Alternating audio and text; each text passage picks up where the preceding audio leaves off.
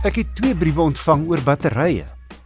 En ek het albei gestuur na die ou wat altyd bereid is om te help wanneer ek hom raad aanklop. Hy is Nicol Lou, die tegniese konsultant by Kaarttydskrif en die besigheidsontwikkelingsbestuurder by SVU Gepantserde Voertuie. Die eerste brief kom van Vanus Buys van Hartenbos. Hy skryf: "Vandat ek my 2008 Toyota Hilux dubbelkajuit nuut gekoop het, loop die battery binne 2 of 3 dae af as ons nie ry nie. Ek het al die opsporingstoestel laat vervang omdat ek gedink dit trek krag. Ek het 2 jaar gelede 'n moderne radio laat insit en gehoop dit sal die probleem oplos.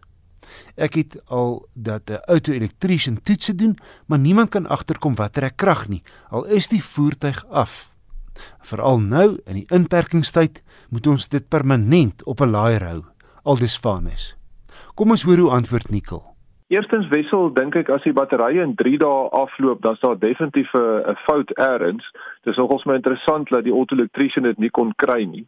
Kom ons kyk net so 'n bietjie na die uh, agtergrond van 'n battery. So hy het natuurlik 'n kapasiteit sien nou maar 60 ampere uh, battery, dan beteken dit hy kan 60 ampere oor 20 uur periode lewer. So dis so 3 ampere per uur. Die rede hoekom ek dit oor 'n 20 uur periode, hoekom dit so toets is, daar's natuurlik 'n wet wat se naam is Peker se wet wat sê hoe vinniger jy die krag uit die battery uittrek, hoe minder gaan hy vir jou gee en hoe minder jy uittrek, hoe meer gaan hy vir jou gee. So natuurlik, as die motor afgeskakel is en hy staan in jou in jou garage, dan gaan hy natuurlik nou maar baie min stroom uit hom uittrek en hy kan eintlik lank hou. So ja, 'n battery in 'n goeie toestand waar daar nie baie parasitiese laste op is wanneer hy nou net daar staan nie, behoort maklike maande te kan hou en nog steeds die die voertuig te kan aansit.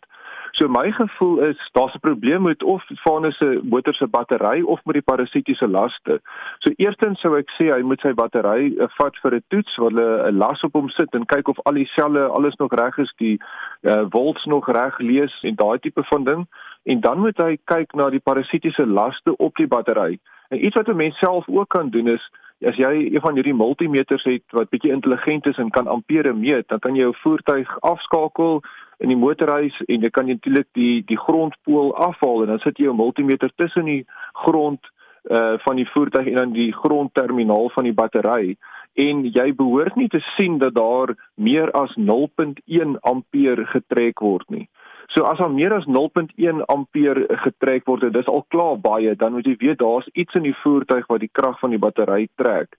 En dis nou net om uit te vind wat dit is. Nou wat ek al gehoor het die ouens doen is hulle klim baie keer in die in die fuse box en dan begin hulle fuses uittrek om te sien wanneer daai ampere van die multimeter verdwyn, dan weet hulle dis die module wat die krag trek. Maar ek het al gesien dat as dit kom by hierdie opspoorders of trekkers, die ou tipes het was nogals redelik energiehonger. So hulle trek 'n redelike klomp krag. Die nuus is baie beter en ek hoor die heel nuutste opspoorders het selfs hulle eie klein batterypakkie sodat hulle glad nie van die voertuig se batterykrag gebruik nie. Maar daar's daar's 'n paar dinge wat Vanus kan probeer. Nicole, dan het ek 'n brief ontvang van Hannes Pinaar. En hy skryf hy het 'n vorige geslag Jetta wat nou 9 jaar oud is en hy wil eerstens weet of hy wanneer hy nou weer eendag met verlof kan gaan, die voertuig net so kan laat staan vir 'n maand en hy noem ook dat die voertuig 'n opsporingsstelsel het. Ja, wissel soos ons nou net gepraat het, indien die battery in 'n baie goeie toestand is en die parasitiese laste op die battery wanneer die voertuig staan is laag, behoort hy vir 'n maand te kan staan, uh, geen probleem nie. Maar as jy natuurlik 'n opspoorder het wat krag trek of daar's miskien 'n module in die kar wat bietjie meer krag trek as wat hy moet, dan gaan hy natuurlik probleme hê. En 'n manier om dit te kan oorkom is as jy natuurlik nou die die pole van die battery afhaal uh, dan natuurlik elimineer jy daai parasitiese um, krag wat dan verlore raak en dan gaan die battery vir jou baie langer hou maar onthou nou net as jou opspoorder dan krag nodig gehad het van jou battery gaan hy natuurlik nie werk nie en natuurlik jou horlosie in die voertuig gaan nou nie meer die regte tyd wys nie en as jy 'n radio het wat natuurlik hierdie sekuriteitskode gaan benodig wanneer hy krag verloor dan gaan jy natuurlik daarmee ook sit wanneer jy nou weer die pole terug op die battery sit Daar's natuurlik 'n ander vraag wat ons ook gekry het oor kan 'n mens die battery dan nou uh, laai terwyl hy in die voertuig self is? En ehm um, ja, as dit dan alles af van van die laaier wat jy gebruik.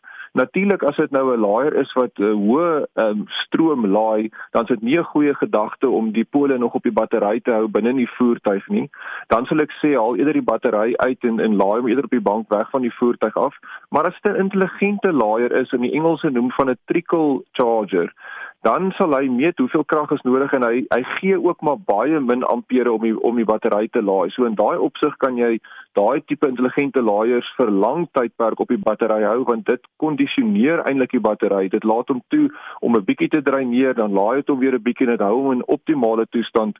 Die ouens wat klassieke karre versamel, hulle gebruik almal hierdie intelligente laaiers wat permanent op die batterye is sodat die dag wanneer hulle wil gaan ry, dan sal geen probleme nie. Nikkel, dan uh hier's 'n kollega van my wat nou gehoor het ek praat met jou oor batterye en hy wil weet of dit noodsaaklik is om gedistilleerde water te gebruik en of mens maar kraanwater mag gebruik. Wessel, dis baie interessant. Ek onthou ook nog die dae van die gedistilleerde water wat jy so by die volstasies kon kry om jou battery op te top. Maar uh, batterytegnologie het baie verander en verbeter oor die jare sodat die nuwe loodsuurbatterye is eintlik wat hulle noem 'n geseelde eenheid.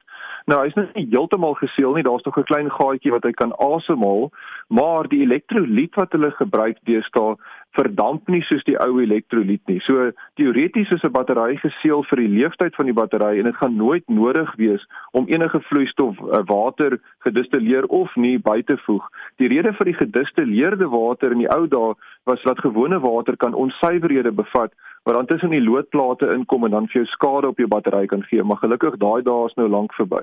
Nicolou, die tegniese konsultant by Car en die besigheidsontwikkelingsbestuurder by SVU gepantserde voertuie. Indien jy 'n motornavraag het, e-pos gerus na my. Die adres is wissel@rsg.co.za.